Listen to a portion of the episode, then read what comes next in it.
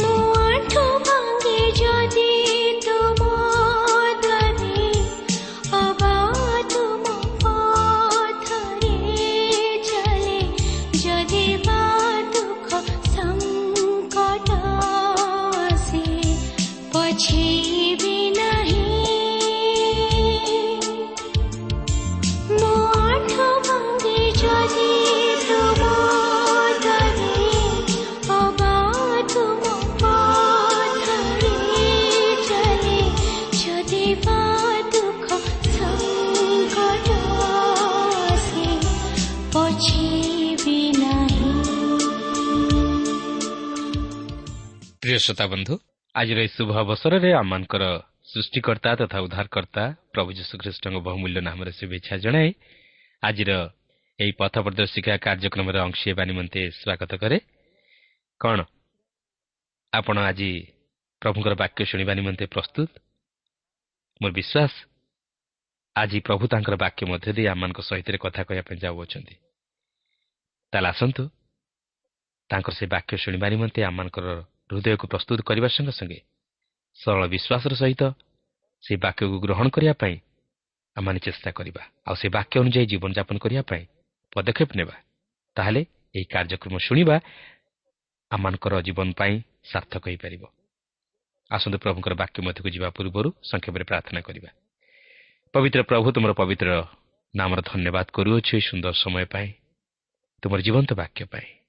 ପ୍ରଭୁ ଏହି ସମୟରେ ଆମମାନେ ଯେତେ ତୁମ ନିକଟବର୍ତ୍ତୀ ହୋଇଅଛୁ ପ୍ରଭୁ ତୁମେ ତୁମର ବାକ୍ୟ ମଧ୍ୟ ଦେଇ ଆମମାନଙ୍କ ସହିତ ଆଳାପ କର ପ୍ରଭୁ ତୁମେ ପ୍ରତ୍ୟେକ ଶ୍ରୋତାବନ୍ଧୁମାନଙ୍କୁ ତୁମର ସେହି ବାକ୍ୟ ଦ୍ୱାରା ଶାନ୍ତି ସାନ୍ତ୍ୱନା ଆନନ୍ଦ ଦେଇ ତୁମର ସେହି ଆତ୍ମିକ ଜୀବନରେ ପ୍ରଭୁ ତୁମେ ବଢ଼ାଅ ପ୍ରଭୁ ତୁମର ବାକ୍ୟ ମଧ୍ୟ ଦେଇ ଆଜି ତୁମେ ଆମମାନଙ୍କ ସହିତ କଥା କୁହ ପ୍ରତ୍ୟେକ ଶ୍ରୋତାବନ୍ଧୁମାନଙ୍କୁ ପ୍ରଭୁ ତୁମେ ଆଶୀର୍ବାଦ କରି ଆତ୍ମିକ ଜୀବନରେ ପ୍ରଭୁ କଢ଼ାଇ ନିଅ ଯୀଶୁଙ୍କ ନାମରେ ମାଗୁଅଛୁ ଆମେନ୍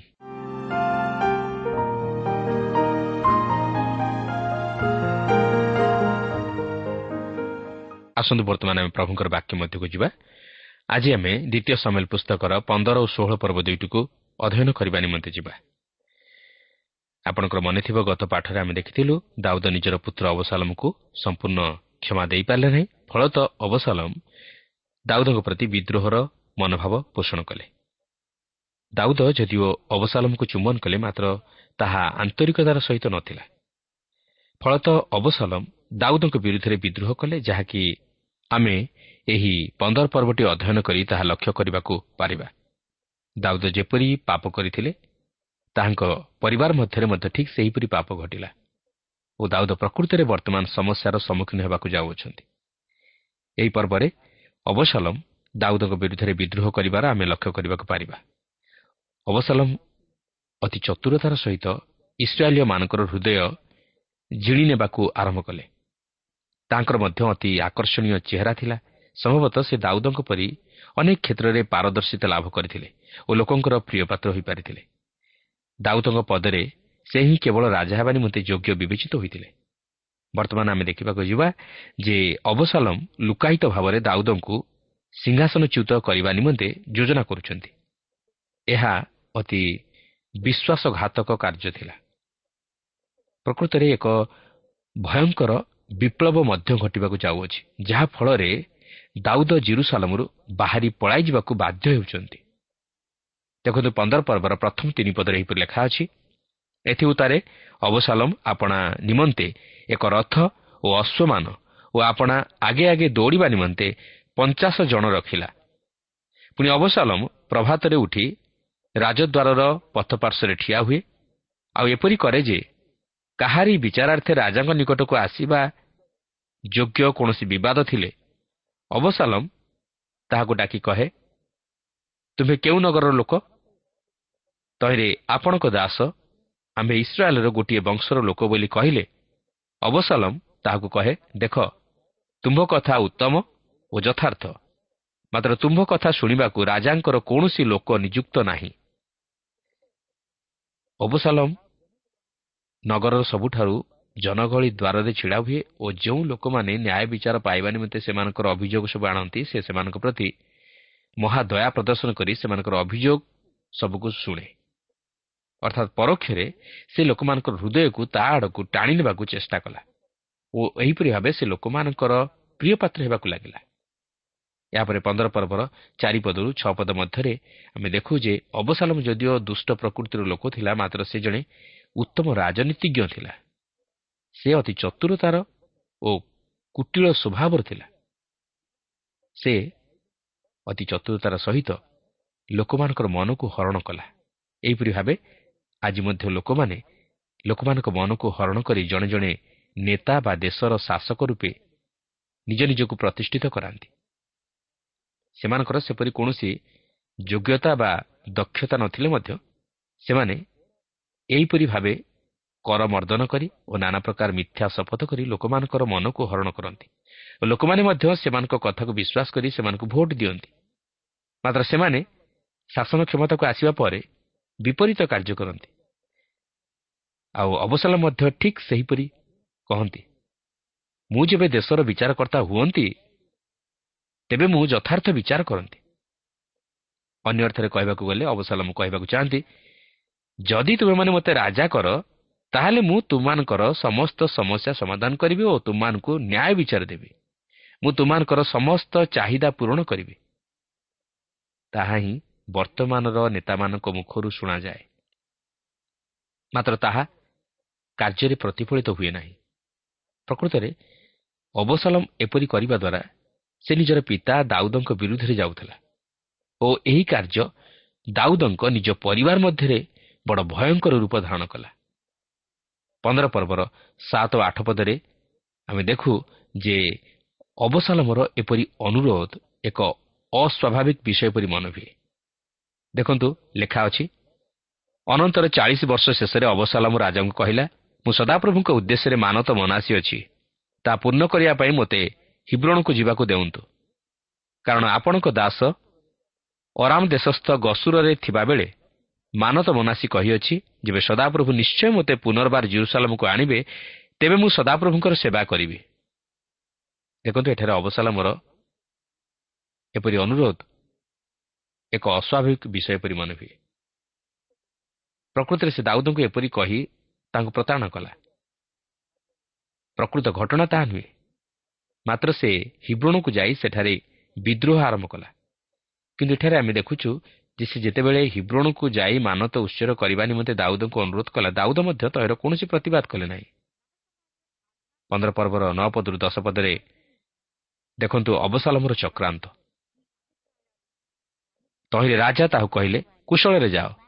ତାଙ୍କୁ ସେ ଉଠି ହିବ୍ରଣକୁ ଗଲା। ମାତ୍ର ଅବସାଲମ ସମୁଦାୟ ଇସ୍ରାଏଲ ବଂଶ ନିକଟକୁ ଚର ପଠାଇ କହିଥିଲା ତୁମେମାନେ ତୁରିଧ୍ୱନି ଶୁଣିବା କ୍ଷଣେ ଅବସାଲମ ହିବ୍ରଣରେ ରାଜା ହେଲେ ବୋଲି କହିବ। ଆପଣ ଜାଣିଥିବେ ଯେ ଏହି ହିବ୍ରଣରେ ଦାଉଦ ତାହାଙ୍କର ରାଜତ୍ୱ ଆରମ୍ଭ କରିଥିଲେ। ସେ ହିବ୍ରଣରେ ଜିହୁଦା ଉପରେ ସାତ ବର୍ଷ ଧରି ରାଜତ୍ୱ କରିଥିଲେ। ଅବସାଲମ ହିବ୍ରୋଣକୁ ମାନତ ଉତ୍ସର କରିବା ନିମନ୍ତେ ଯାଇ ନଥିଲା। ମାତ୍ର ସେ ସେହି ବିଦ୍ରୋହ କରିବା ନିମନ୍ତେ ସେଠାକୁ ଯାଇଥିଲା। ପନ୍ଦର ପର୍ବର ଏଗାର ବାର ପଦରେ ଆମେ ଦେଖୁ ଯେ ଲେଖା ଅଛି ଆଉ ଅବସାଲମ ସଙ୍ଗେ ଜିରୁସାଲମରୁ ଦୁଇଶହ ଲୋକ ଗଲେ। ସେମାନେ ନିମନ୍ତ୍ରିତ ହୋଇ ସରଳ ମନରେ ଗଲେ। ସେମାନେ କୌଣସି କଥା ଜାଣିନଥିଲେ ପୁଣି ଅବସାଲମ ବଳିଦାନ କରିବା ସମୟରେ ଲୋକ ପଠାଇ ଦାଉଦଙ୍କର ମନ୍ତ୍ରୀ ଗିଲୋନିୟ ଅହିଥୋପଲକୁ ତାହାର ନଗର ଗିଲୋରୁ ଡକାଇଲା। ତହିଁରେ ଚକ୍ରାନ୍ତ ଦୃଢ଼ ହେଲା କାରଣ ଅବସାଲମର ପକ୍ଷୀୟ ଲୋକ ଆହୁରି ଆହୁରି ବୃଦ୍ଧି ପାଇଲେ। ଅନ୍ୟ ଅର୍ଥରେ କହିବାକୁ ଗଲେ ଏହି ଯେଉଁ ଲୋକମାନେ ଅବସାଲମ ସହିତ ଯାଇଥିଲେ ଅବସାଲମ ଯେ ଦାଉଦଙ୍କ ବିରୁଦ୍ଧରେ ବିଦ୍ରୋହ କରିବା ପାଇଁ ପ୍ରସ୍ତୁତ ହୋଇଅଛି ତାହା ସେମାନେ ଜାଣିଲେ ନାହିଁ। ଏପରିକି ଦାଉଦଙ୍କର ମନ୍ତ୍ରୀ ଗିଲୋନିୟ ଅହିତୋପଲ ମଧ୍ୟ ଅବସାଲମ ପକ୍ଷରେ ଛିଡ଼ା ହେଲା। ଏହି ରୂପେ ଅବସାଲମ ଦାଉଦଙ୍କ ବିରୁଦ୍ଧରେ ଗଲା ଓ ଦାଉଦ ଏହି ସମସ୍ତ ଘଟଣାର ପ୍ରକୃତ ରହସ୍ୟ ଜାଣିବା ପୂର୍ବରୁ ଅବସାଲମ ବିଦ୍ରୋହ ଆରମ୍ଭ କରିଦେଇଥିଲା ଓ ସେ ଲୋକମାନଙ୍କର ମନକୁ ହରଣ କରିନେଇଥିଲା। ଯେପରି ଲୋକମାନେ ଅବସାଲମର ସପକ୍ଷ ହୁଅନ୍ତି। ଏହାପରେ ତେର ଓ ଚଉଦ ପଦରେ ଆମେ ଦେଖୁ ଯେ ଦାଉଦ ଜିରୁସାଲମରୁ ପଳାଇ ଯାଉଛନ୍ତି କିନ୍ତୁ ପ୍ରଶ୍ନ ଉଠେ ଯେ ସେ କାହିଁକି ଜିରୁସାଲମରୁ ପଳାଇ ଯିବା ନିମନ୍ତେ ଚାହିଁଲେ? ଯେଉଁ ଜିରୁସାଲମକୁ ସେ ନିଜର ମନରୁ ଭୁଲି ପାରୁନଥିଲେ କି ଯେଉଁ ଜିରୁସାଲମରୁ ସେ ବାହାରକୁ ଯିବା ନିମନ୍ତେ ଚାହୁଁନଥିଲେ? କାରଣ ସେ ଜାଣିଥିଲେ ଈଶ୍ୱର ତାହାଙ୍କର ପାପ ନିମନ୍ତେ ତାହାଙ୍କୁ ଶାସ୍ତି ଦେବାକୁ ଯାଉଅଛନ୍ତି। ସେ ଜାଣିଥିଲେ ତାହାଙ୍କ ପ୍ରତି କ'ଣ ଘଟିବା ପାଇଁ ଯାଉଅଛି। ସେ ଜାଣିଥିଲେ ଯେ ଈଶ୍ୱରଙ୍କ ବିଚାର ତାହାଙ୍କ ପ୍ରତି ବର୍ତ୍ତିବାକୁ ଯାଉଅଛି। କାରଣ ଏହି ପନ୍ଦର ପର୍ବର ପଚିଶ ଓ ଛବିଶ ପଦ ପାଠ କଲେ ଆମେ ତାହା ଜାଣିପାରିବା। ଦ୍ୱିତୀୟତଃ ତାହାଙ୍କର ଏହି ଜିରୁସାଲାମ ନଗର ଏକ ଯୁଦ୍ଧ କ୍ଷେତ୍ରରେ ପରିଣତ ହେଉ ତାହା ସେ ଚାହୁଁନଥିଲେ ଯେହେତୁ ସେ ଏହି ନଗରକୁ ବହୁତ ଭଲ ପାଉଥିଲେ। ପନ୍ଦର ପର୍ବର ତିରିଶ ପଦଟିକୁ ପାଠ କଲେ ଆମେ ଜାଣିପାରିବା ଯେ ଦାଉଦ କେତେ ଦୂର ଏହି ନଗରକୁ ଭଲ ପାଉଥିଲେ। ତେଣୁକରି ସେ ଏହାକୁ ଯୁଦ୍ଧ କ୍ଷେତ୍ରରେ ପରିଣତ କରିବାକୁ ଚାହୁଁନଥିଲେ କିନ୍ତୁ ତଥାପି ଏହି ନଗର ଅନ୍ୟାନ୍ୟ ନଗର ଅପେକ୍ଷା ଅଧିକ କ୍ଷତିଗ୍ରସ୍ତ ହେଲା। କେବଳ ବିଦ୍ରୋହାଚରଣ ଓ ପାପ ହେତୁ। ତୃତୀୟରେ ଦାଉଦ ସେହି ଜିରୁସାଲମ ନଗରରୁ ବାହାରି ପଳାଇ ଯିବାକୁ ଚାହିଁଲେ ଯେହେତୁ ସେ ଅବସାଲମ ସହିତ ଯୁଦ୍ଧ କରିବାକୁ ଚାହୁଁନଥିଲେ। ଆମେ ପରବର୍ତ୍ତୀ ଅଧ୍ୟାୟମାନଙ୍କରେ ଲକ୍ଷ୍ୟ କରିବାକୁ ପାରିବା ଯେ ଦାଉଦ ଅବସାଲମକୁ ଛାଡ଼ିଦେବାକୁ ଚାହୁଁଥିଲେ। ସେ ଅବସାଲମ ପ୍ରତି କୌଣସି କ୍ଷତି ଘଟାଇବାକୁ ଚାହୁଁନଥିଲେ। ମୁଁ ଭାବୁଛି ଦାଉଦ ଅବସାଲମକୁ ଅତି ଭଲ ପାଉଥିଲେ। ତେବେ ସେହି ଜିରୁସାଲମକୁ ଛାଡ଼ିବା ଯଦିଓ ତାହାଙ୍କ ଜୀବନ ପ୍ରତି ବିପଦ ତଥା ସମସ୍ୟାଜନକ ଥିଲା ମାତ୍ର ସେ ସେଥିପ୍ରତି ଭୟ କରିନଥିଲେ। କାରଣ ସେ ଏଥିପୂର୍ବରୁ ମଧ୍ୟ ଅନେକ ବିପଦର ସମ୍ମୁଖୀନ ହୋଇଛନ୍ତି ଓ ଅନେକ ଘାତ ପ୍ରତିଘାତ ମଧ୍ୟ ଦେଇ ଗତି କରିଅଛନ୍ତି। କିନ୍ତୁ ସେ ବର୍ତ୍ତମାନ ନିଜର ଜୀବନଠାରୁ ଈଶ୍ୱର ଓ ତାହାଙ୍କ ପୁତ୍ର ଅବସାଲମ ସହିତ ତାହାଙ୍କର ସମ୍ପର୍କ ରକ୍ଷା କରିବା ନିମନ୍ତେ ବିଶେଷ ଚିନ୍ତିତ। ତେଣୁ ଏହି ପୃଷ୍ଠଭୂମିକୁ ଦୃଷ୍ଟି ଆଗରେ ରଖି ଆମେ ସେହି ବିଦ୍ରୋହାଚରଣର ବିଷୟ ନେଇ କିଛି ଚିନ୍ତା କରିବାକୁ ଯିବା ଯାହାକି ଦାଉଦଙ୍କ ପୁତ୍ର ଅବସାଲମ ଦାଉଦଙ୍କ ସହିତ ଆରମ୍ଭ କରିଥିଲା। ପନ୍ଦର ପର୍ବର ପନ୍ଦରରୁ କୋଡ଼ିଏ ପଦ ମଧ୍ୟରେ ଆମେ ଦାଉଦଙ୍କର ଅନେକ ବିଶ୍ୱସ୍ତ ଅନୁକାରୀମାନେ ଥିଲେ ବୋଲି ଲକ୍ଷ୍ୟ କରିବାକୁ ପାରୁ। ଅନେକ ଲୋକ ଦାଉଦଙ୍କ ନିମନ୍ତେ ନିଜ ପ୍ରାଣ ଦେବା ପାଇଁ ମଧ୍ୟ ପଛଘୁଞ୍ଚା ଦେଇନଥିଲେ ଏପରିକି ଗାଥିୟ ଇତୟ ଯିଏକି ଜଣେ ବିଦେଶୀୟ ଥିଲା ସେ ମଧ୍ୟ ନିଜର ପରିବାର ସହିତ ଦାଉଦଙ୍କ ସଙ୍ଗରେ ଜିରୁସାଲାମ ଛାଡ଼ି ଚାଲିଯିବା ନିମନ୍ତେ ପ୍ରସ୍ତୁତ ଥିଲା। ଦେଖନ୍ତୁ ଦାଉଦ ରାଜା ସେହି ଗାଥିୟ ଇତୟକୁ ତାହାଙ୍କ ସହିତ ଯିବା ପାଇଁ ମନା କରିବାରୁ ଇତୟ ତାହାଙ୍କୁ କି ପ୍ରତ୍ୟୁତ୍ତର ଦେଉଛି? ପନ୍ଦର ପର୍ବର ଏକୋଇଶ ଓ ବାଇଶ ପଦରେ ଲେଖା ଅଛି ଏଥିରେ ଇତୟ ରାଜାଙ୍କୁ ଉତ୍ତର କରି କହିଲା ସଦାପ୍ରଭୁ ଜୀବିତ ଥିବା ପ୍ରମାଣେ ଓ ମୋର ପ୍ରଭୁ ମହାରାଜ ଜୀବିତ ଥିବା ପ୍ରମାଣେ ଜୀବନ ପାଇଁ ହେଉ ବା ମରଣ ପାଇଁ ହେଉ ଅବଶ୍ୟ ମୋର ପ୍ରଭୁ ମହାରାଜ ଯେଉଁଠାରେ ରହିବେ ସେଠାରେ ମଧ୍ୟ ଆପଣଙ୍କ ଦାସ ରହିବ। ତୁ ଦାଉଦ ଇତୟକୁ କହିଲେ ତେବେ ଯାଅ ଅଗ୍ରସର ହୁଅ। ତହିଁରେ ଗାଥିୟ ଇତୟ ଓ ତାହାର ସମସ୍ତ ଲୋକ ଓ ତାହା ସହିତ ଥିବା ସମସ୍ତ ବାଳକ ଅଗ୍ରସର ହୋଇଗଲେ। ଦେଖନ୍ତୁ ଇତୟର ଦାଉଦଙ୍କ ପ୍ରତି କେତେ ଦୂର ଆନ୍ତରିକତା ଓ ସ୍ନେହ ଥିଲା ଆଉ ସେ ଦାଉଦଙ୍କ ନିମନ୍ତେ ମରିବା ପାଇଁ ମଧ୍ୟ ପ୍ରସ୍ତୁତ ଥିଲା। ଆଜି କ'ଣ ପ୍ରଭୁ ଯୀଶୁଙ୍କ ପ୍ରତି ଆମମାନଙ୍କର ସେହିପରି ସମର୍ପିତ ଜୀବନ ଅଛି କି? ତେଇଶରୁ ପଚିଶ ପଦ ମଧ୍ୟରେ ଆମେ ଦେଖୁ ଯେ ଦାଉଦ ଈଶ୍ୱରଙ୍କର ନିୟମ ସିନ୍ଧୁକ ଜିରୁସାଲମକୁ ପଠାଇ ଦେଉଛନ୍ତି। ସେ ଜାଣିପାରିଲେ ଯେ ତାହାଙ୍କ ପ୍ରତି ଯାହା ଯାହା ଘଟୁଅଛି ତାହା ଈଶ୍ୱରଙ୍କର ବିଚାର। ତେଣୁ ସେ ସେହି ନଗର ପରିତ୍ୟାଗ କରି ଜୈତୁନ ପର୍ବତ ଉପରକୁ ଗଲେ ଓ ଯିବା ସମୟରେ ସେ ରୋଦନ କରୁ କରୁ ଗମନ କଲେ। ଏହାପରେ ପନ୍ଦର ପର୍ବର ଛବିଶରୁ ଅଣତିରିଶ ପଦରେ ଆମେ ଦେଖିବାକୁ ପାଉ ଯେ ନିୟମ ସିନ୍ଧୁକକୁ ସାଦୋକ ଓ ଅବିଆଥର ଯାଜକ ଜିରୁସାଲମକୁ ନେଇଗଲେ ଓ ସେମାନେ ସେଠାରେ ରହିଲେ ମାତ୍ର ଦାଉଦ ରାଜା ରୋଦନ କରୁ କରୁ ଜୈତୁନ ପର୍ବତ ଉପରକୁ ଅଗ୍ରସର ହେଲେ। ଏପରିକି ତାହାଙ୍କର ସଙ୍ଗୀ ଲୋକମାନେ ମଧ୍ୟ ରୋଦନ କରୁ କରୁ ଉପରକୁ ଗଲେ। ଏହାପରେ ପନ୍ଦର ପର୍ବର ଏକତିରିଶ ପଦରେ ଆମେ ଦେଖୁ ଯେ ଅହିଥୋପଲ ଦାଉଦଙ୍କର ଜଣେ ମହାନ ଉପଦେଷ୍ଟା ଥିଲା। ମାତ୍ର ସେ ଯେତେବେଳେ ଅବସାଲମର ପକ୍ଷ ନେଲା ସେତେବେଳେ ତାହାର ପରାମର୍ଶ ଯେପରି ଅବସାଲମ ପ୍ରତି ମୂର୍ଖତାର ପରି ହୁଏ ଏଥିନିମନ୍ତେ ଦାଉଦ ଈଶ୍ୱରଙ୍କ ନିକଟରେ ପ୍ରାର୍ଥନା କଲେ ଓ ଈଶ୍ୱର ମଧ୍ୟ ସେହି ପ୍ରାର୍ଥନାର ଉତ୍ତର ଦେଲେ। ଲକ୍ଷ୍ୟ କରନ୍ତୁ ଦାଉଦ ଅବସାଲମ ପ୍ରତି ଈଶ୍ୱରଙ୍କର ବିଚାର ବର୍ତ୍ତାଇବାକୁ ଚାହିଁନଥିଲେ ବତିଶ ଓ ତେତିଶ ପଦରେ ଆମେ ଦେଖୁ ଯେ ହୁସୟ ଦାଉଦଙ୍କର ମିତ୍ର ସ୍ୱରୂପ ଥିଲା ଓ ଦାଉଦ ତାହାଦ୍ୱାରା ଅହିଥୋପଲର ମନ୍ତ୍ରଣା ବ୍ୟର୍ଥ କରିବାକୁ ଚାହିଁଥିଲେ। ଏହାପରେ ଚଉତିରିଶରୁ ସଇଁତିରିଶ ପଦରେ ଆମେ ଦେଖୁ ଯେ ଦାଉଦ ଯେତେବେଳେ ଜାଣିଲେ ଯେ ଅହିଥୋପଲ ଅବସାଲାମ ପ୍ରତି ଢଳି ଅଛି ସେତେବେଳେ ସେ ତାହାର ସମସ୍ତ ମନ୍ତ୍ରଣା ସବୁକୁ ବ୍ୟର୍ଥ କରିବା ପାଇଁ ତାଙ୍କର ମିତ୍ର ହୁସୟକୁ ପଠାନ୍ତି ଓ ହୁସୟ ମଧ୍ୟ ତାହା କରିବା ନିମନ୍ତେ ନିଜର ସମ୍ମତି ପ୍ରକାଶ କରନ୍ତି ଓ ସେ ଦାଉଦଙ୍କର ଶତ୍ରୁ ଅବସାଲମ ନିକଟକୁ ଯାଇ ସେଠାରେ ରହୁଛନ୍ତି ଯେପରି ସେ ସେମାନଙ୍କର ସମସ୍ତ କୂଟ ଚକ୍ରାନ୍ତକୁ ରାଜାଙ୍କର କର୍ଣ୍ଣଗୋଚର କରିପାରନ୍ତି। ପ୍ରିୟ ବନ୍ଧୁ ଏଠାରେ ଆପଣ ଅବସାଲମର କୂଟ ଚକ୍ରାନ୍ତକୁ ବୁଝିପାରୁଥିବେ।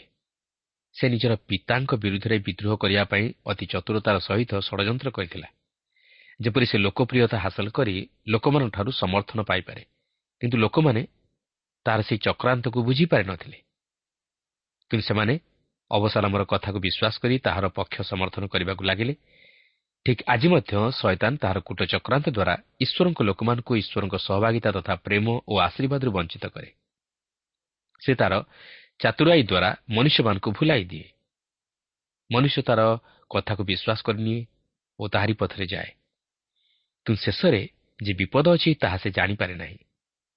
ଆଜି ଅନେକଙ୍କୁ ଶୟତାନ ଏହିପରି ଭ୍ରାନ୍ତ ଶିକ୍ଷା ଓ ଉପଦେଶ ଦେଇ ଈଶ୍ୱରଙ୍କଠାରୁ ଦୂରେଇ ନେଇଛି। ସେମାନେ କେବଳ କ୍ଷଣିକ ସୁଖ ତଥା ଶାନ୍ତି ପାଇଁ ତାହାର ପଥରେ ଚାଲିଯାଆନ୍ତି ଓ ତାହାର ପକ୍ଷ ସମର୍ଥନ କରନ୍ତି। କିନ୍ତୁ ତହିଁରେ ଯେ କୌଣସି ସତ୍ୟତା ନାହିଁ ମାତ୍ର କେବଳ ମିଥ୍ୟା ପ୍ରତାରଣା ତାହା ସେମାନେ ବୁଝିପାରନ୍ତି ନାହିଁ। ତେଣୁ ଆସୁ ଜୀବନର ସୃଷ୍ଟିକର୍ତ୍ତା ତଥା ଉଦ୍ଧାରକର୍ତ୍ତା ପ୍ରକୃତିରେ କିଏ ତାହା ଜାଣିବା ନିମନ୍ତେ ଚେଷ୍ଟା କରୁ ଓ ସେହି ରାଜାଙ୍କୁ ନିଜର ହୃଦୟ ରୂପକ ସିଂହାସନରେ ବସାଇ ତାହାଙ୍କର ପକ୍ଷ ଛାୟା ତଳେ ଶାନ୍ତିରେ ତଥା ନିର୍ବିଘ୍ନରେ ଜୀବନ ଅତିବାହିତ କରିବା ପାଇଁ ଚେଷ୍ଟା କରୁ। ବର୍ତ୍ତମାନ ଆମେ ଏହି ଦ୍ୱିତୀୟ ସାମୁଏଲ ପୁସ୍ତକର ଷୋହଳ ପର୍ବରେ ଦେଖିବାକୁ ଯିବା ଯେ ଶିବ ଯିଏକି ମଫିବସୋତର ଦାସ ଥିଲା ସେ ଦାଉଦଙ୍କୁ ପ୍ରତାରଣା କଲା। ପ୍ରତାରଣା କରିବାର ଅର୍ଥ ବିଶ୍ୱାସରେ ବିଶ୍ୱ ଦେବା। ଯେଉଁ ବ୍ୟକ୍ତି ଅନ୍ୟକୁ ପ୍ରତାରଣା କରିବାକୁ ଚେଷ୍ଟା କରେ ସେ ନିଜେ ମଧ୍ୟ ପ୍ରତାରିତ ହୁଏ। ଈଶ୍ୱର ମଧ୍ୟ ଏହିପରି ବ୍ୟକ୍ତିକୁ ଘୃଣା କରନ୍ତି ଓ ତାହାକୁ ସମୁଚିତ ଶାସ୍ତି ମଧ୍ୟ ପ୍ରଦାନ କରନ୍ତି। ପବିତ୍ର ବାଇବଲ ମଧ୍ୟରେ ଆମେ ଦେଖୁ ଯେଉଁମାନେ ପ୍ରତାରଣା କରିଛନ୍ତି ସେମାନେ ମଧ୍ୟ ଅନ୍ୟ ଦ୍ୱାରା ପ୍ରତାରିତ ହୋଇଛନ୍ତି। ଦାଉଦ ମଧ୍ୟ ସେହିପରି ପ୍ରତାରଣା କରିଥିବାରୁ ସେ ମଧ୍ୟ ପ୍ରତାରିତ ହେଲେ। ଈଶ୍ୱର କାହାର ମୁଖାପେକ୍ଷା କରନ୍ତି ନାହିଁ। ସେ ପ୍ରତ୍ୟେକକୁ ତାହାର କର୍ମାନୁଯାୟୀ ପ୍ରତିଫଳ ଦିଅନ୍ତି। ତେବେ ଦେଖନ୍ତୁ ଦ୍ୱିତୀୟ ସାମିଲ ଷୋହଳ ପର୍ବର ପ୍ରଥମ ଚାରିପଦରେ ଏପରି ଲେଖା ଅଛି ଅନନ୍ତର ଦାଉଦ ଉଠାଣି ଶୃଙ୍ଗ ପାର ହୋଇ କିଞ୍ଚିତ ଅଗ୍ରସର ହେଲା ଉତ୍ତାରେ ଦେଖ ମଫିବସତର ଦାସ ଶିବ ସଜ୍ଜିତ ଦୁଇ ଗର୍ଦ୍ଧବ ସଙ୍ଗେ କରି ତାଙ୍କୁ ଭେଟିଲା। ସେହି ଗର୍ଦ୍ଧବମାନଙ୍କ ଉପରେ ଦୁଇଶହ ରୁଟି ଶହେ ପେଣ୍ଡା ଦ୍ରାକ୍ଷା ଫଳ ଓ ଶହେ ଗ୍ରୀଷ୍ମକାଳୀନ ଫଳ ଓ ଏକ କୁମ୍ପା ଦ୍ରାକ୍ଷାରସ ଥିଲା। ତହିଁରେ ରାଜା ଶିବକୁ କହିଲେ ଏସବୁରେ ତୁମ୍ଭର ଅଭିପ୍ରାୟ କ'ଣ? ତବ ଶିବ କହିଲା ଏ ଗର୍ଦ୍ଧବ ଦୁଇଟି ରାଜପରିବାରଙ୍କ ଚଢ଼ିବା ନିମନ୍ତେ ପୁଣି ଏହି ରୋଟି ଓ ଗ୍ରୀଷ୍ମକାଳୀନ ଫଳ ଯୁବାମାନଙ୍କ ଆହାର ନିମନ୍ତେ ଆଉ ଦ୍ରାକ୍ଷାରସ ପ୍ରାନ୍ତରରେ କ୍ଲାନ୍ତ ହେବା ଲୋକମାନେ ପାନ କରିବେ। ତେବେ ରାଜା କହିଲେ ତୁମ୍ଭ ପ୍ରଭୁର ପୁତ୍ର କାହିଁ? ତହିଁରେ ଶିବ ରାଜାଙ୍କୁ କହିଲା ଦେଖନ୍ତୁ ସେ ଜୁରୁସାଲମରେ ଅଛନ୍ତି। କାରଣ ସେ କହିଲେ ଇସ୍ରାଏଲ ବଂଶ ଆଜି ଆମ୍ଭ ପୈତୃକ ରାଜ୍ୟ ଆମ୍ଭକୁ ଫେରାଇ ଦେବେ। ଏଥିରେ ରାଜା ଶିବକୁ କହିଲେ ଦେଖ ମଫିବସତର ସର୍ବସ୍ୱ ତୁମ୍ଭର ହେଲା। ତ ଶିବ କହିଲା ମୁଁ ପ୍ରଣାମ କରୁଅଛି। ହେ ମୋହର ପ୍ରଭୁ ମହାରାଜ ମୁଁ ଆପଣଙ୍କ ଦୃଷ୍ଟିରେ ଅନୁଗ୍ରହ ପାଏ। ଆପଣ ଜାଣିଥିବେ ଯେ ମଫିବସତ ଜୋନାଥନଙ୍କର ଛୋଟା ପୁତ୍ର ଥିଲା କାରଣ ତାହାର ଦୁଇ ପାଦ ଛୋଟା ଥିଲା। କିନ୍ତୁ ଦାଉଦ ଜୋନାଥନକୁ ଅଧିକ ପ୍ରେମ କରୁଥିବାରୁ ସେ ଜୋନାଥନଙ୍କ ମୃତ୍ୟୁ ପରେ ମଫିବସତର ତତ୍ତ୍ୱ ନେଲେ। ମାତ୍ର ଏଠାରେ ଲକ୍ଷ୍ୟ କରିବାର ବିଷୟ ହେଉଛି ଶିବ ଯେ କି ମଫିବସତର ଦାସ ଥିଲା ସେ ଭାବିଥିଲା ଯେ ଦାଉଦଙ୍କ ପରିବାର ମଧ୍ୟରେ ହୋଇଥିବା ଆଭ୍ୟନ୍ତରୀଣ ଗଣ୍ଡଗୋଳ ସାଉଲଙ୍କ ପରିବାରକୁ ରାଜସିଂହାସନର ଅଧିକାରୀ ହେବା ନିମନ୍ତେ ସୁଯୋଗ ଦେବ। ଆଉ ଏହି ସମୟରେ ସାଉଲଙ୍କ ପରିବାର ମଧ୍ୟରୁ ମଫିବସତ କେବଳ ସେହି ସିଂହାସନର ଉତ୍ତରାଧିକାରୀ ହେବା ନିମନ୍ତେ ଯୋଗ୍ୟ ଥିଲା।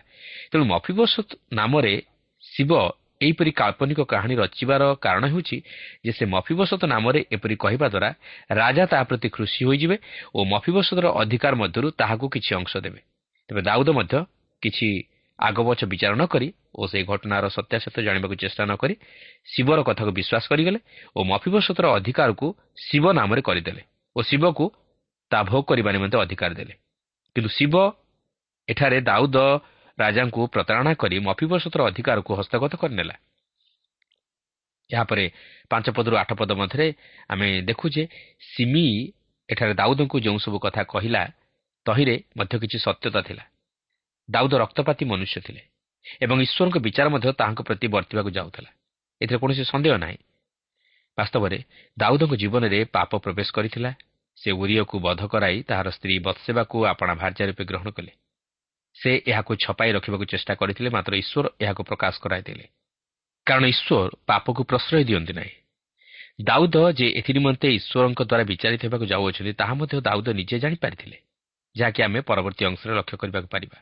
ଏହାପରେ ନଅ ପଦରେ ଆମେ ଦେଖୁ ଯେ ଅବିଷୟ ଦାଉଦଙ୍କ ପକ୍ଷର ଲୋକ ଥିଲା ଓ ସେ ସିମିର ଏହି ପ୍ରକାର ଦାଉଦଙ୍କୁ ଭର୍ସନା କରିବାର ଶୁଣି ତାହାକୁ ଏକାବେଳେ ଚିରକଳା ପାଇଁ ନିରବ କରାଇଦେବାକୁ ଚାହିଁଥିଲା। କିନ୍ତୁ ଲକ୍ଷ୍ୟ କରନ୍ତୁ ଦାଉଦ ସେହି ସିମିର କଥାର ପ୍ରତ୍ୟୁତ୍ତରରେ କ'ଣ କହୁଅଛନ୍ତି? ଦାଉଦ କହୁଛନ୍ତି ଯାହାକି ଦଶ ଓ ଏଗାର ପଦରେ ଅଛି ସିମିର ସାପ ଦେବାକୁ ମୁଁ ମନରେ ଧରୁନାହିଁ ମୁଁ ତାହାର ପ୍ରତିଶୋଧ ନେବାକୁ ଚାହେଁ ନାହିଁ। ଈଶ୍ୱର ଯଦି ତାହାକୁ ଏହିପରି ସାପ ଦେବା ପାଇଁ ଅନୁମତି ଦେଇଛନ୍ତି ତାହେଲେ ମୁଁ କିଏ ଯେ ତହିଁର ପ୍ରତିବାଦ କରିବି? ମୁଁ ଜାଣେ। ଯେଉଁ ସମସ୍ତ ବିଷୟ ମୋ ପ୍ରତି ଘଟୁଅଛି ତାହା କେବଳ ଈଶ୍ୱରଙ୍କର ବିଚାର। ମୋତେ କେବଳ ଗୋଟିଏ ବିଷୟ ବ୍ୟତିବ୍ୟସ୍ତ କରେ ତାହା ହେଉଛି ମୋର ପୁତ୍ର ଅବସାଲମର ମୋର ବିରୁଦ୍ଧରେ ବିଦ୍ରୋହାଚରଣ। ଏପର୍ଯ୍ୟନ୍ତ ଆମେ ଦାଉଦଙ୍କର ସେହି ଜିରୁସାଲମରୁ ବାହାରି ଆସିବା ବିଷୟ ଉପରେ ଧ୍ୟାନ ଦେଇଥିଲୁ ମାତ୍ର ବର୍ତ୍ତମାନ ପୁନର୍ବାର ସେହି ଜିରୁସାଲମ ମଧ୍ୟକୁ ଚାଲିଯିବା ଯେଉଁଠାରେ କି ହୁସୟ ଅବସାଲମକୁ ତାହାର ସାହାଯ୍ୟ କରିବାର ହସ୍ତ ବଢ଼ାଇବା ଆଳରେ ଦାଉଦଙ୍କୁ ଅହିଥୋପଲର ଗୁପ୍ତ ମନ୍ତ୍ରଣା ଓ ଅବସାଲମର କୂଟ ଚକ୍ରାନ୍ତକୁ କର୍ଣ୍ଣଗୋଚର କରାଇବା ନିମନ୍ତେ ସେହି ସ୍ଥାନରେ ଅବସାଲମ ନିକଟରେ ଅଛି। ପନ୍ଦରରୁ ସତର ପଦ ମଧ୍ୟରେ ଆମେ ଦେଖୁ ଯେ ଅବସାଲମ ଏଠାରେ ଦାଉଦଙ୍କର ମିତ୍ର ହୁସୟକୁ ଦେଖି ଆଶ୍ଚର୍ଯ୍ୟ ହୋଇଯାଇଛନ୍ତି କାରଣ ସେ ଦାଉଦଙ୍କ ସହିତ ପଳାଇ ନ ଯାଇ ଅବସାଲମ ନିକଟକୁ ଫେରିଆସିଛି ଆଉ ଏହି ବିଷୟ ଅବସାଲମଙ୍କ ମନରେ ଏକ ପ୍ରଶ୍ନବାଚୀ ହୋଇଉଠିଛି। ଅଠରରୁ ଉଣେଇଶ ପଦରେ ଲେଖା ଅଛି ଯେ ଯଦିଓ ସେ ଦାଉଦଙ୍କ ପକ୍ଷରେ ରହି ଏକ ଗୁପ୍ତଚର ଭାବେ କାର୍ଯ୍ୟ କରୁଥିଲା ମାତ୍ର ସେ ଏଠାରେ ନିଜର ପ୍ରକୃତ ମନୋଭାବର ପରିଚୟ ନ ଦେଇ ଛଳନାପୂର୍ଣ୍ଣ ବ୍ୟବହାର କରୁଅଛି। ସେ କହୁଛି ଯେଉଁ ବ୍ୟକ୍ତିକୁ ଈଶ୍ୱର ଓ ମନୁଷ୍ୟମାନେ ଓ ସମସ୍ତ ଇସ୍ରାଏଲ୍ ଲୋକ ମନୋନୀତ କରିଅଛନ୍ତି ମୁଁ ତାଙ୍କରି ହେବି ତାଙ୍କ ସଙ୍ଗରେ ରହିବି ଓ ତାହାଙ୍କର ସେବା କରିବି। ଏହା ହିଁ ଥିଲା ହୁସୟର ଛଳନାପୂର୍ଣ୍ଣ ଜୀବନ। ପ୍ରିୟ ବନ୍ଧୁ ଆଜି କ'ଣ ଆମେ ସେହିପରି ଛଳନାପୂର୍ଣ୍ଣ ଜୀବନ ଓ ମିଥ୍ୟା ଶପଥ ଈଶ୍ୱରଙ୍କ ନିକଟରେ କରୁନାହୁଁ କି? ଆମେ କହୁ ହଁ ମୁଁ ଈଶ୍ୱରଙ୍କର ଲୋକ ହେବି। ତାହାଙ୍କ ସଙ୍ଗରେ ରହିବି। ତାହାଙ୍କର ସେବା କରିବି। ମାତ୍ର ପ୍ରକୃତିରେ କ'ଣ ଆମେ ତାହା ଅନ୍ତର ସହିତ କରୁ କି? ନା କେବଳ ଛଳନା କରୁ। ଅନେକେ ଆଜି ନିଜର ସ୍ୱାର୍ଥ ଆଶାରେ ବା ଈଶ୍ୱରଙ୍କଠାରୁ କିଛି ସାହାଯ୍ୟ ପାଇବା ଆଶାରେ ଅନେକ ଗୁଡ଼ିଏ ମିଥ୍ୟା ଶପଥ କରିଥାନ୍ତି। ସେମାନେ ଛଳନାପୂର୍ଣ୍ଣ ଜୀବନଯାପନ କରିଥାନ୍ତି। କିନ୍ତୁ ପ୍ରକୃତରେ ସେମାନେ ଆନ୍ତରିକତାର ସହିତ ତାହା କରିନଥାନ୍ତି। ଅନେକ ଭାବନ୍ତି ଧର୍ମ ପରିବର୍ତ୍ତନ କରି ଖ୍ରୀଷ୍ଟଙ୍କୁ ଗ୍ରହଣ କରିନେଲେ। ଜମିବାଡ଼ି ଟଙ୍କା ପଇସା ବା ସୁନ୍ଦର ଝିଅ ମିଳିଯିବ ବା ଚାକିରି ମିଳିଯିବ।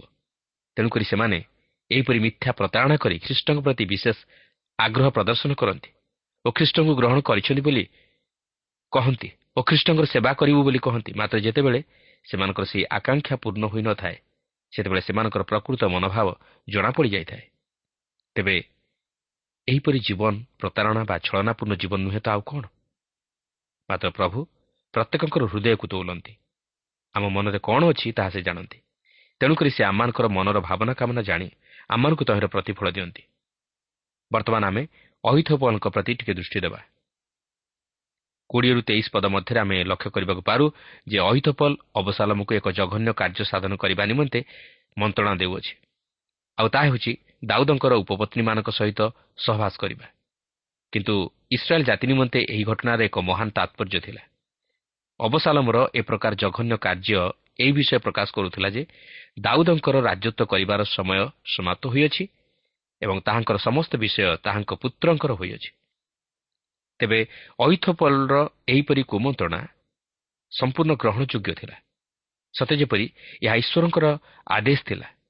ଈଶ୍ୱର ଦାଉଦଙ୍କୁ ଯାହା ସବୁ କହିଥିଲେ ତାହା ଅବସାଲମର କାର୍ଯ୍ୟ ଦ୍ୱାରା ସଫଳ ହେଲା। କାରଣ ଏଥିପୂର୍ବରୁ ଆମେ ଏହି ଦ୍ୱିତୀୟ ସାମୁଏଲ ବାର ପର୍ବର ଏଗାର ଓ ବାର ପଦରେ ଈଶ୍ୱର ଦାଉଦଙ୍କ ପ୍ରତି ଯାହା ଘଟାଇବେ ବୋଲି କହିଥିଲେ ତାହା ଅଧ୍ୟୟନ କରି ଦେଖିଥିଲୁ। ଆଉ ତାହା ହିଁ ଏଠାରେ ଆକ୍ଷରିକ ଭାବେ ସଫଳ ହେଲା। ବର୍ତ୍ତମାନ ଆମେ ଦେଖିବାକୁ ଯିବା ଯେ ଦାଉଦ ପୁନର୍ବାର ଗୁମ୍ଫା ଓ ଗହ୍ୱର ମଧ୍ୟକୁ ପ୍ରତ୍ୟାବର୍ତ୍ତନ କଲେ। ତେବେ ସେ କ'ଣ କରିବାକୁ ଯାଉଅଛନ୍ତି? କ'ଣ ଯୁଦ୍ଧ କରିବାକୁ? ନୁହେଁ। ସେ ଅବସାଲମ ଭୟରେ ପଳାଇ ଯାଉଛନ୍ତି। ଅବସାଲମ ଦାଉଦଙ୍କ ସୈନ୍ୟଶ୍ରେଣୀ ଉପରେ ବିଜୟ ଲାଭ କରିବାକୁ ଚେଷ୍ଟା କରୁଛନ୍ତି। କିନ୍ତୁ ଦାଉଦ ଯାହା ହେଉନା କାହିଁକି ଏକ ପୁରୁଣା ଯୋଦ୍ଧା ଥିଲେ ଓ ଯୁଦ୍ଧ କିପରି କରିବାକୁ ହୁଏ ତାହା ସେ ଜାଣିଥିଲେ। କିନ୍ତୁ ଅବସାଲମ ନିଜ ପିତାର ବିରୁଦ୍ଧରେ ଯାଇ ଅତି ଭୟଙ୍କର କାର୍ଯ୍ୟ କରୁଅଛନ୍ତି। କିନ୍ତୁ ଦୁଃଖର ବିଷୟ ହେଉଛି ଯେ ଦାଉଦ ତାହାକୁ ପ୍ରେମ କରନ୍ତି ଓ ତାହାକୁ ରକ୍ଷା କରିବାକୁ ଚାହାନ୍ତି। ଏହି ଦିନଗୁଡ଼ିକ ଦାଉଦଙ୍କ ନିମନ୍ତେ ଅତି କଷ୍ଟକର ଦୁଃଖର ଦିନ ଥିଲା। ମାତ୍ର ଦାଉଦ ତହିଁ ନିମନ୍ତେ ଈଶ୍ୱରଙ୍କ ଉପରେ ଅଭିମାନ କରିନଥିଲେ କି ତାହାଙ୍କୁ ଦୋଷାରୋପ କରିନଥିଲେ।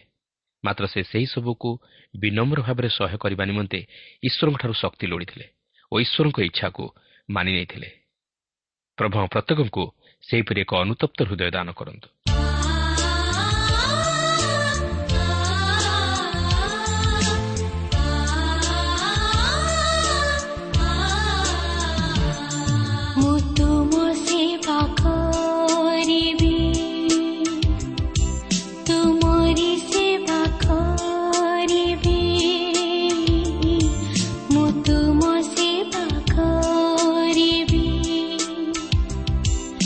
情